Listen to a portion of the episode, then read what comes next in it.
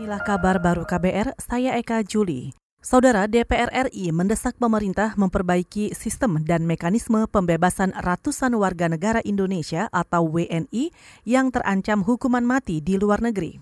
Anggota Komisi Pemerintahan DPR Willy Aditya menyebut pemerintah harus cermat mengambil sikap. Menurutnya, budaya hukum antar negara berbeda dan Indonesia harus tetap menghormati kedaulatan negara masing-masing.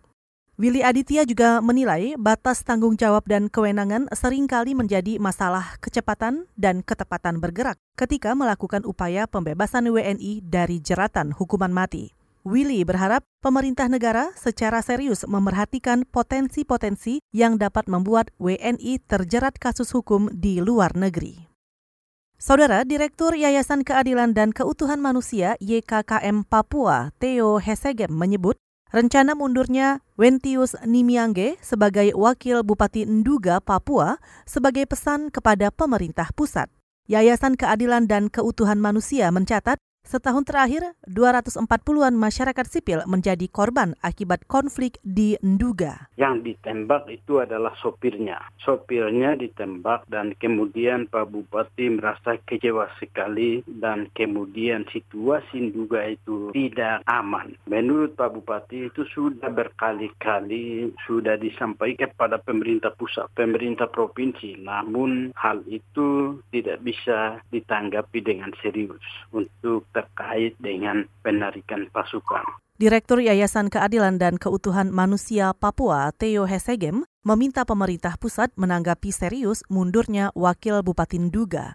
Theo juga mendesak pemerintah untuk menarik pasukan TNI non-organik dan mulai berdialog melalui pendekatan budaya dengan kelompok sipil yang dipimpin Egyanus Kogoya.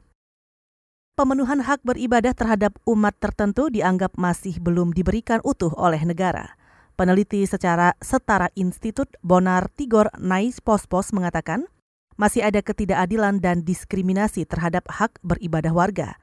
Beberapa kasus pelanggaran ke kebebasan beribadah yang mencuat hingga sekarang, di antaranya penyegelan Gereja Kristen Indonesia GKI Yasmin di Bogor, HKBP Philadelphia Bekasi, Gereja Pantai Costa Bantul Yogyakarta, dan yang terbaru adalah pelarangan ibadah Natal di Sijunjung dan Damar Seraya, Sumatera Barat. Menurut Bonar, negara abai. Permasalahan yang tidak kunjung diselesaikan pemerintah akan berdampak terhadap negara yang menjunjung tinggi nilai toleransi dalam Pancasila. Bonar juga meminta pemerintah menyelesaikan PR ini dan menyudahi segala ketidakadilan yang menimpa umat dari kelompok minoritas. Saudara tahun 2019 menyajikan musim balapan MotoGP yang sempurna bagi Mark Marquez dan Honda di tengah resistensi dari calon-calon rival baru. Marquez mempertahankan mahkotanya sebagai juara dunia kelas Premier setelah mengunci gelar keenamnya ketika turun di seri ke-15, yaitu Thailand, awal Oktober. Dua pekan berselang, Marquez mempersembahkan gelar kedua bagi Honda musim itu ketika pabrikan asal Jepang itu keluar sebagai juara. Kemudian di seri pamungkas di Valencia, Marquez mengawinkan gelar ketiga bagi Honda ketika Repsol Honda meraih gelar juara tim, mengalahkan tim rival Ducati.